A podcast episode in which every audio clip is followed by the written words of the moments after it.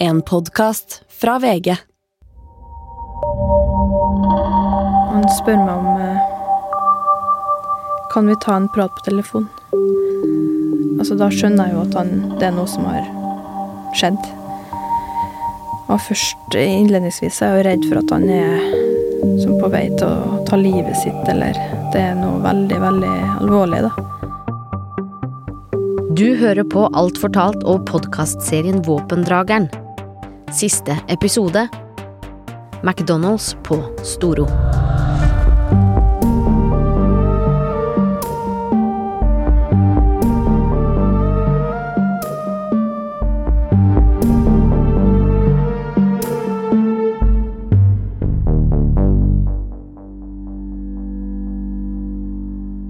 En novemberkveld i 2017 så tikka det inn ei melding på Sara Scotts telefon fra Brede. Så jeg spør tilbake er det noe, har det noe med barna å gjøre. Nei, det har ingenting med barna å gjøre. Nei, men da kan, jeg, da kan du skrive det skriftlig. Det er jo anbefalinger jeg har fått av politi og advokat, å ikke prate med han. Det kan komme trusler som ikke andre som ikke er bevitna. Eh, så da hører jeg at han eh, da, Til slutt så tar jeg telefonen når han ringer.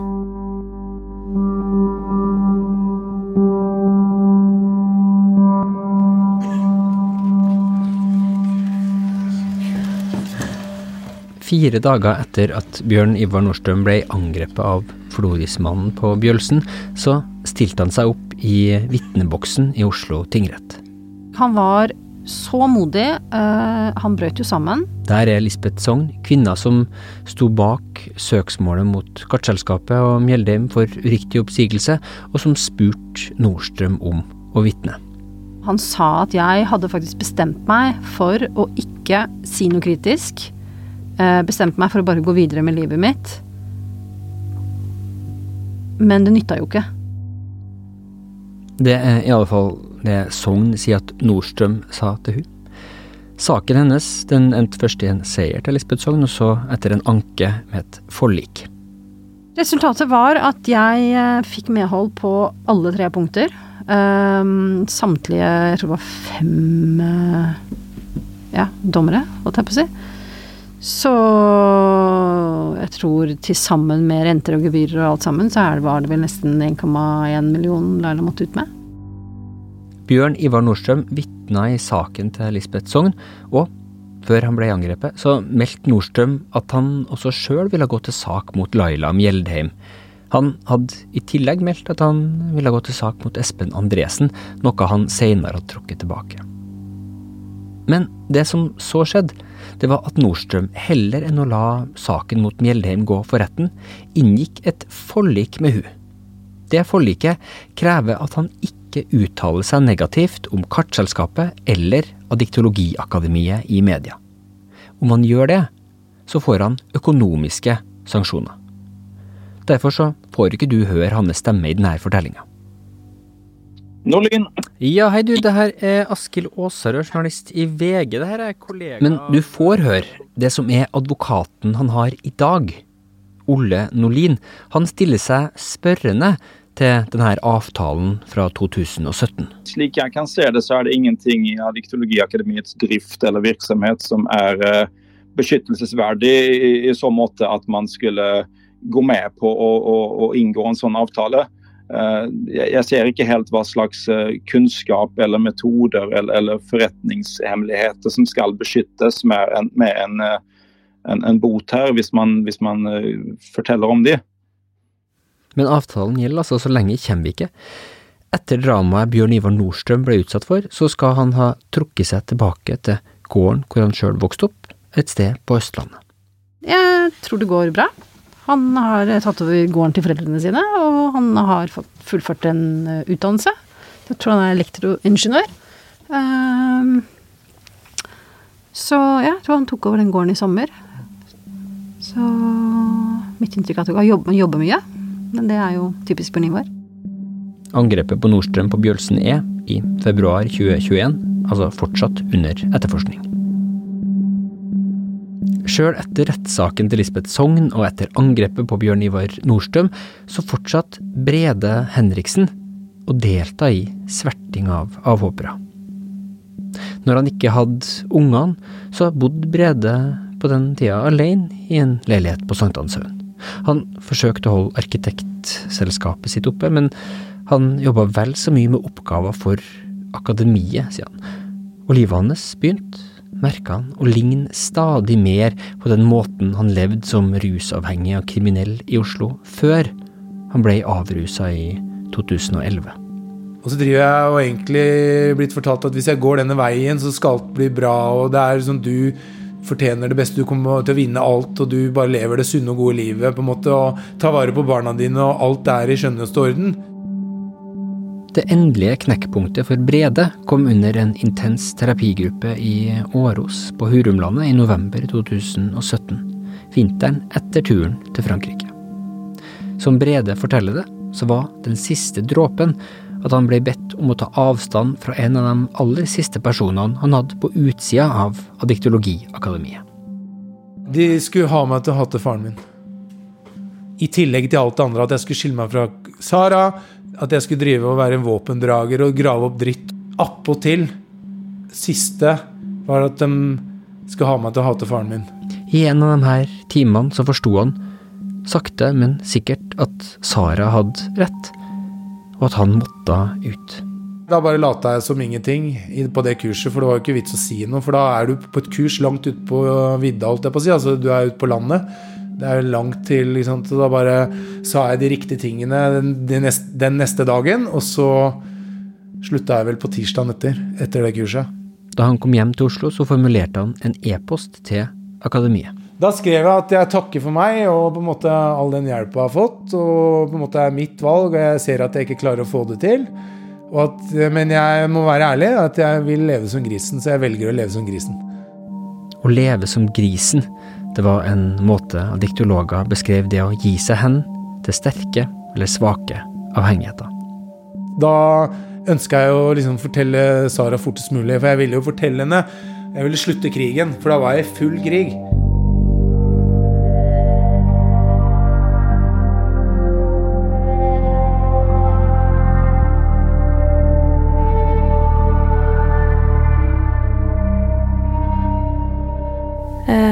Så da hører jeg at han eh, da, Til slutt så tar jeg telefonen når han ringer. Og da forteller han at han er, helt vettskremt i stemmen, og så sier han at han, eh, han er slutta. Og hva jeg tenker om oss. Om vi har noe fremtid. Så det er jo hele verden snudd på et halvt minutt. Jeg hadde vondt hver dag i magen i et år, så jeg ville ha bort den. Så jeg ville fortest mulig bare si til Sara at nå er Jeg visste at vi ikke kommer til å bli sammen igjen. Men det viktigste for meg var bare å si at nå er det slutt. Jeg har slutta. Altså nå, nå, Jeg skal ikke plage deg mer. Ikke sant?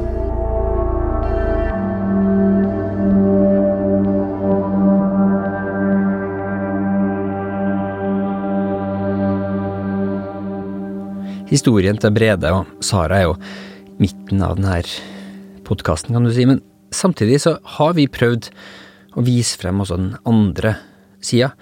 Vi har sendt påstandene som eh, kommer frem i podkasten til Espen Andresen og Laila Mjeldheim. De vil ikke uttale seg om de konkrete påstandene og beskrivelsene av hendelser. Ja, det er Storvik her. Nå sitter jeg på et rolig rom. Men Øystein Storvik, som altså er advokat til både Espen Andresen og Laila Mjeldheim, og som du har hørt litt fra før, vil uttale seg mer generelt om saken. Historien som, som kommer frem i, i podkasten, blant annet gjennom intervjuer med, med avhoppere som Brede Henriksen og, og, Sara Scott Henriksen, det er at medlemmer som har brutt ut av Adiktologiakademiet, mennesker og, og familier som da i sin tid har søkt hjelp for avhengighetsproblemer der, de har blitt møtt med organisert sverting, basert på, på informasjon de har gitt fra seg i, i terapisammenhenger. Eh, altså sverting av, av, sårbare mennesker som har søkt etter hjelp. Hvordan stiller dine klienter seg til, til den beskrivelsen? Ja, altså Mine klienter, og særlig Espen Andresen som rammes av dette, først og fremst, da, han har sagt at dette ikke er sant, eh, helt enkelt. Og at uh, dette er en, en svertekampanje. og du kan si at uh, Veldig mye av dette berører aktuelle straffebestemmelser, og de groveste beskyldningene på det planet der uh, har vært gjenstand for, for politietterforskning og henlagt. Det har vært direkte saker som er knyttet opp til terapirommet og ting som er sagt i terapirommet, som er etterforsket og henlagt. Så, så vårt svar på det er at det er en, dette er et miljø hvor man eh, gjennom flere år har hatt en veldig, veldig motstridende oppfatning av virkeligheten. Og, og svaret er rett og slett at, eh, at eh, mye av dette ikke er sant når det gjelder de groveste beskyldningene, og så at det er også en god del overdrivelser. Så det, det er vårt svar på det. Flere, flere avhoppere kaller jo Diktologiakademiet for en sekt under ledelse av, av Espen Andresen. Hvordan, hvordan stiller han seg til, til den påstanden? At dette skal være en, en sekt som, som, straffer utbrytere, det, det, det, benektes på det mest bestemte, både av, Espen Andresen og Laila Mjelde.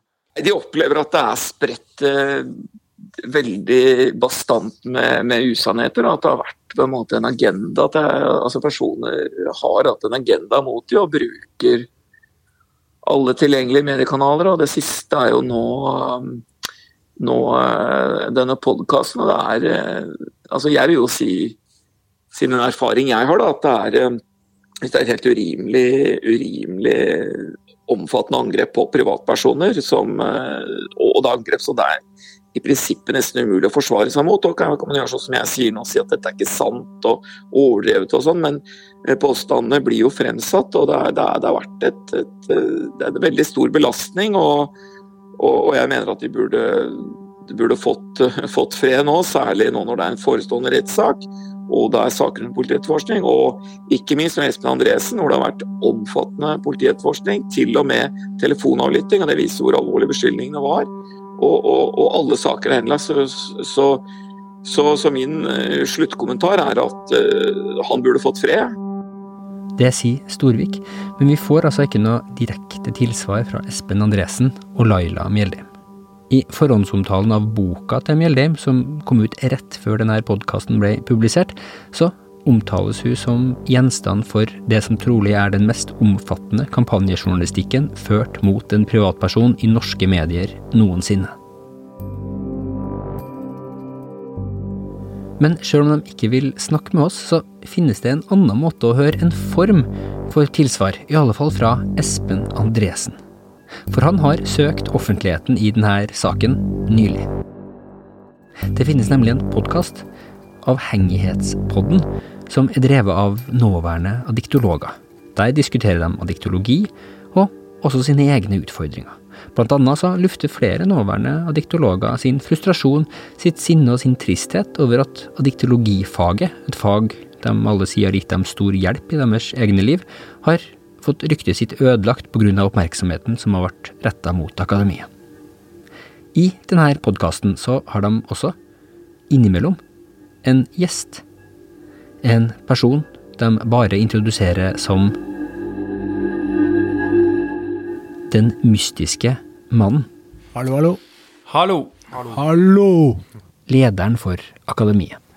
Uh, og siste så har det jo vært uh, tøft, så klart. Å bli kritisert av makta uten fakta.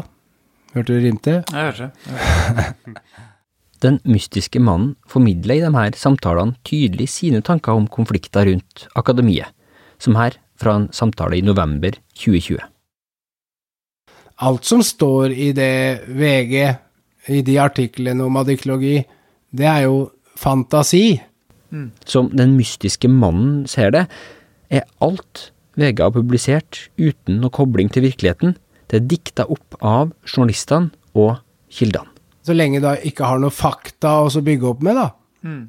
Og det har vi vel ikke sett at det fins noe fakta på noe av det som er skrevet, bortsett fra at det er blitt brukt noen mennesker som er sinna, til å finne på historier og, og, og prate masse dritt, egentlig, Rever å si rett ut. Ja. Og det er jo mennesker dere vet har gått i tilbakefallsprosesser og skjørt livet sitt i dass. Han mener kritikken mot akademiet har vært til store konsekvenser for folk som sliter med avhengighet. Så jeg, jeg, har ikke lest de artiklene. Jeg ville beskytte meg fra sånne typer krenkelser og overgrep og mobbing som det har vært. på faget addictologi. Det finnes jo mange addiktologer som på en måte føler seg krenka i det.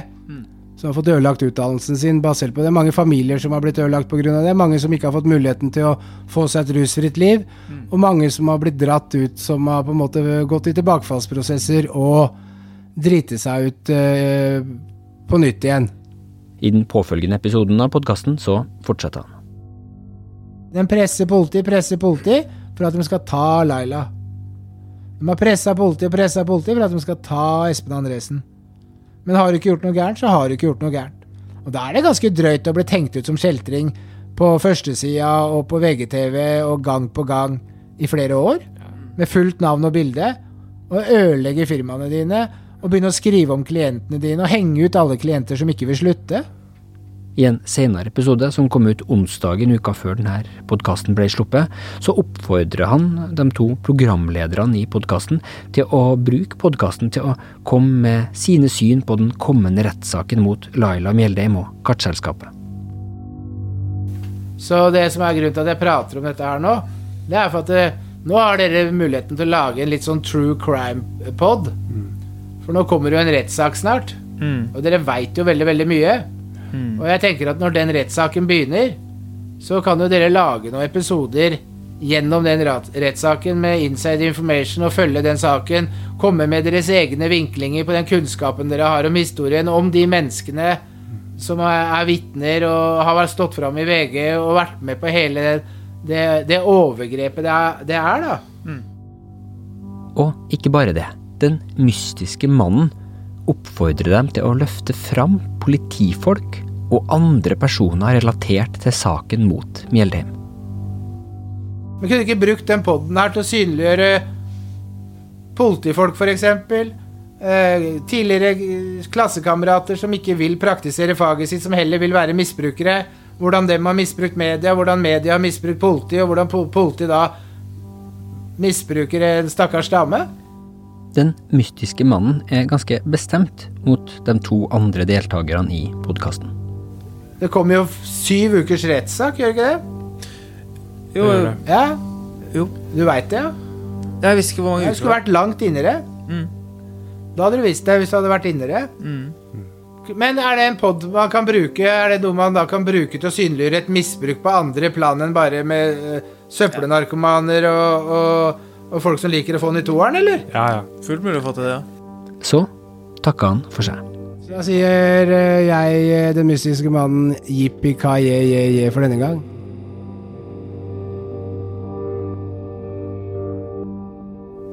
Vi sendte de her siste sitatene hvor Andresen oppfordrer programlederne i podkasten om å synliggjøre politifolk og avhoppere, til Andresen og Mjeldheims advokat Øystein Storvik, som du hørte i stad. Etter det så ville han si noe mer.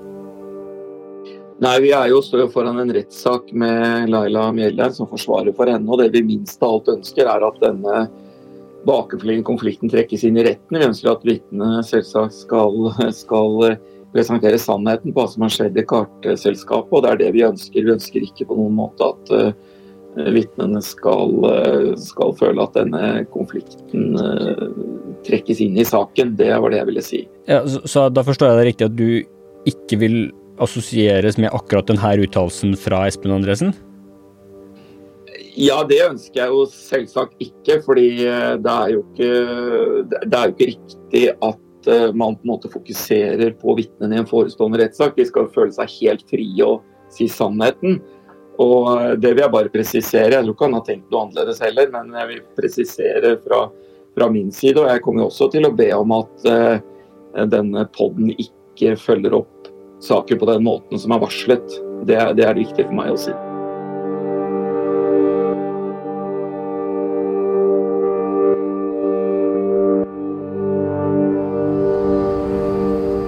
Etter den første telefonsamtalen mellom Brede og Sara, så gikk det bare noen timer.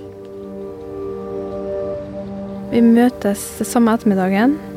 Så da jobba Brede nede på et kontor nede på, ved Hausmania. Så da kommer jeg kjørende med ungene, og så kommer han ut og setter seg inn i en bil sammen med oss. Hva sier dere for det? Nei, jeg tror vi sier så vidt sier hei. Bare ser på hverandre. Mm. Hvor kjører dere? Kjører jeg på Storosenteret. På McDonald's.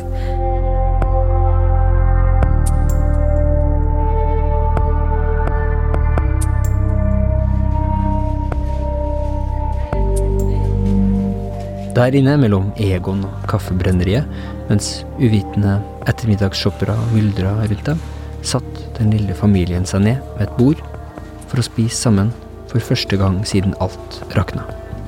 Er jo ikke samstemt lenger i det hele tatt, ikke sant. Så det er jo Jeg tror vi må bestille to ganger, for at det ikke Jeg tenker jo bare på å bestille til meg og barna og han Ja. Og han eh,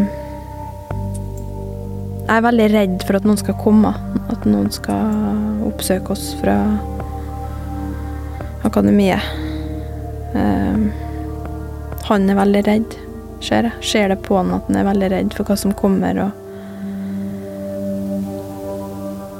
Vi snakker egentlig ikke så mye i det hele tatt. Vi bare er sammen.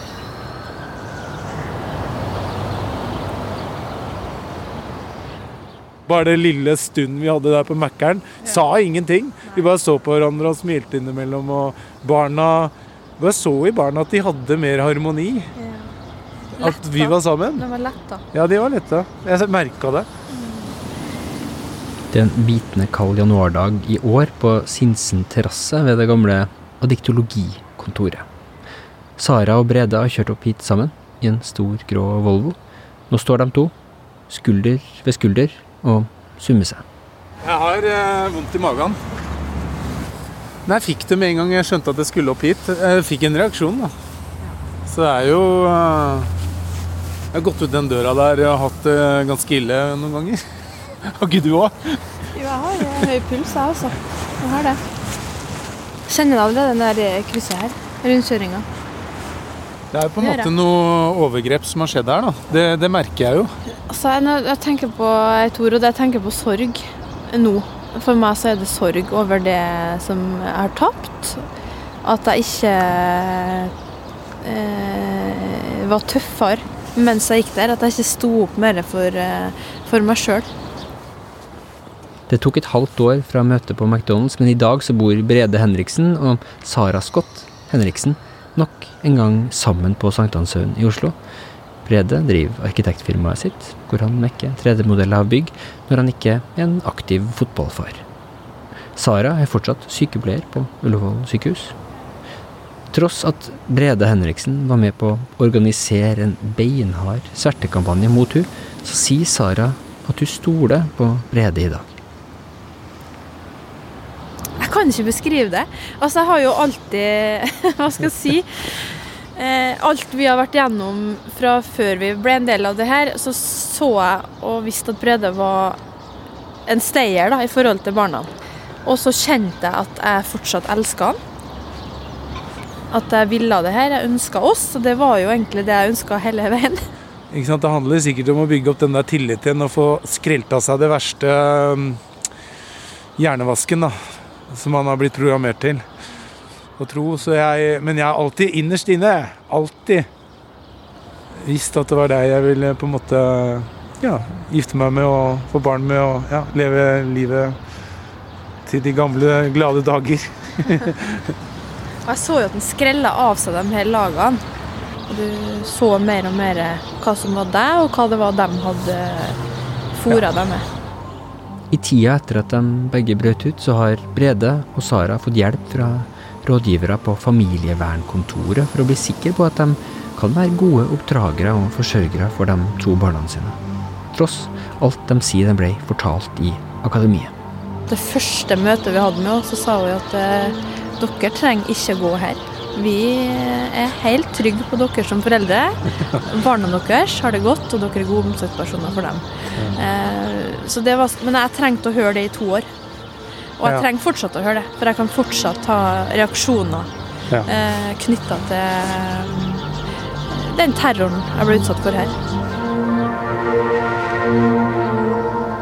Adiktologiakademiet heller ikke til i det lille kontoret på Sinsen terrasse lenger, men selskapet eksisterer fortsatt, og det er fortsatt folk som føler de sliter med avhengighet, som støtter seg til Espen Andresen.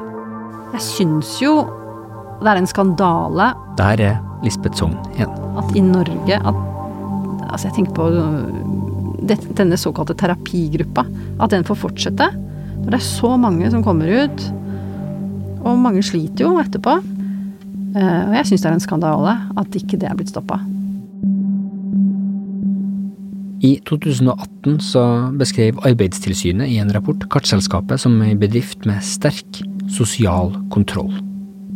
I juni i fjor så ble selskapet slått konkurs.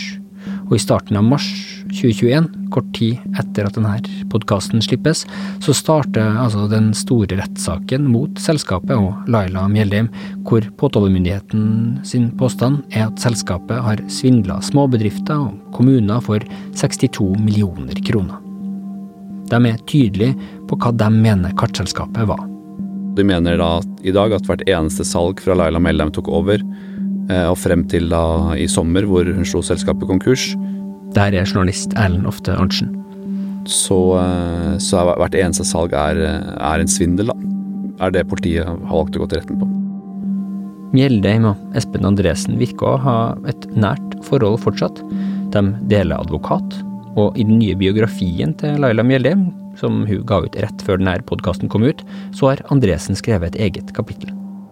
Men så er det store åpne spørsmålet om er hun en klient som de andre? Eller er, er hun en, en slags høyre hånd? Eller er hun begge deler? Kanskje jeg har fått en ny sjanse. Det tror jeg.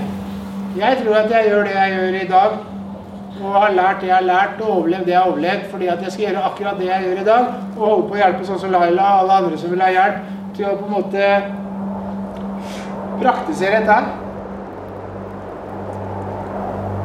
Diktologikomplekset, om vi kan kalle det det, handler om de her menneskene som, som du har møtt i denne saken, som Sara og Brede, Lisbeth Sogn og Bjørn Ivar Nordstrøm, og mange, mange andre som vi ikke har fortalt historien til, men som har brutt ut. Alle de her menneskene har hatt det til felles, at de har søkt etter ei retning, en veiviser, etter å ha gått seg vill i sine livs snøstormer. Og alle har møtt, i snøføyken, en mann med et kart.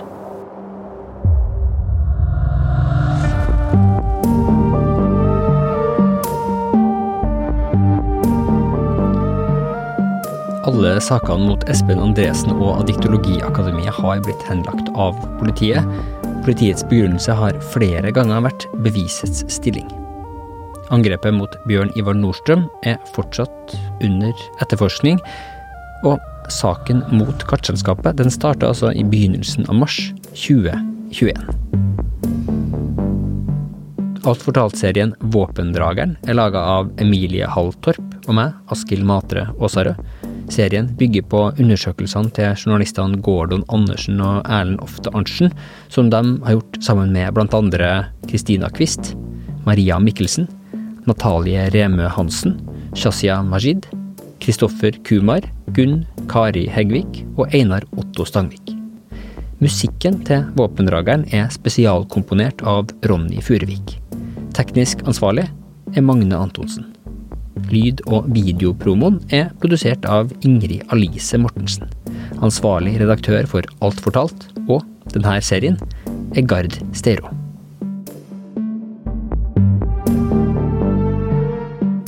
Om du følger med videre her i Alt fortalt-feeden, så kommer det nye, spennende historier fra VG.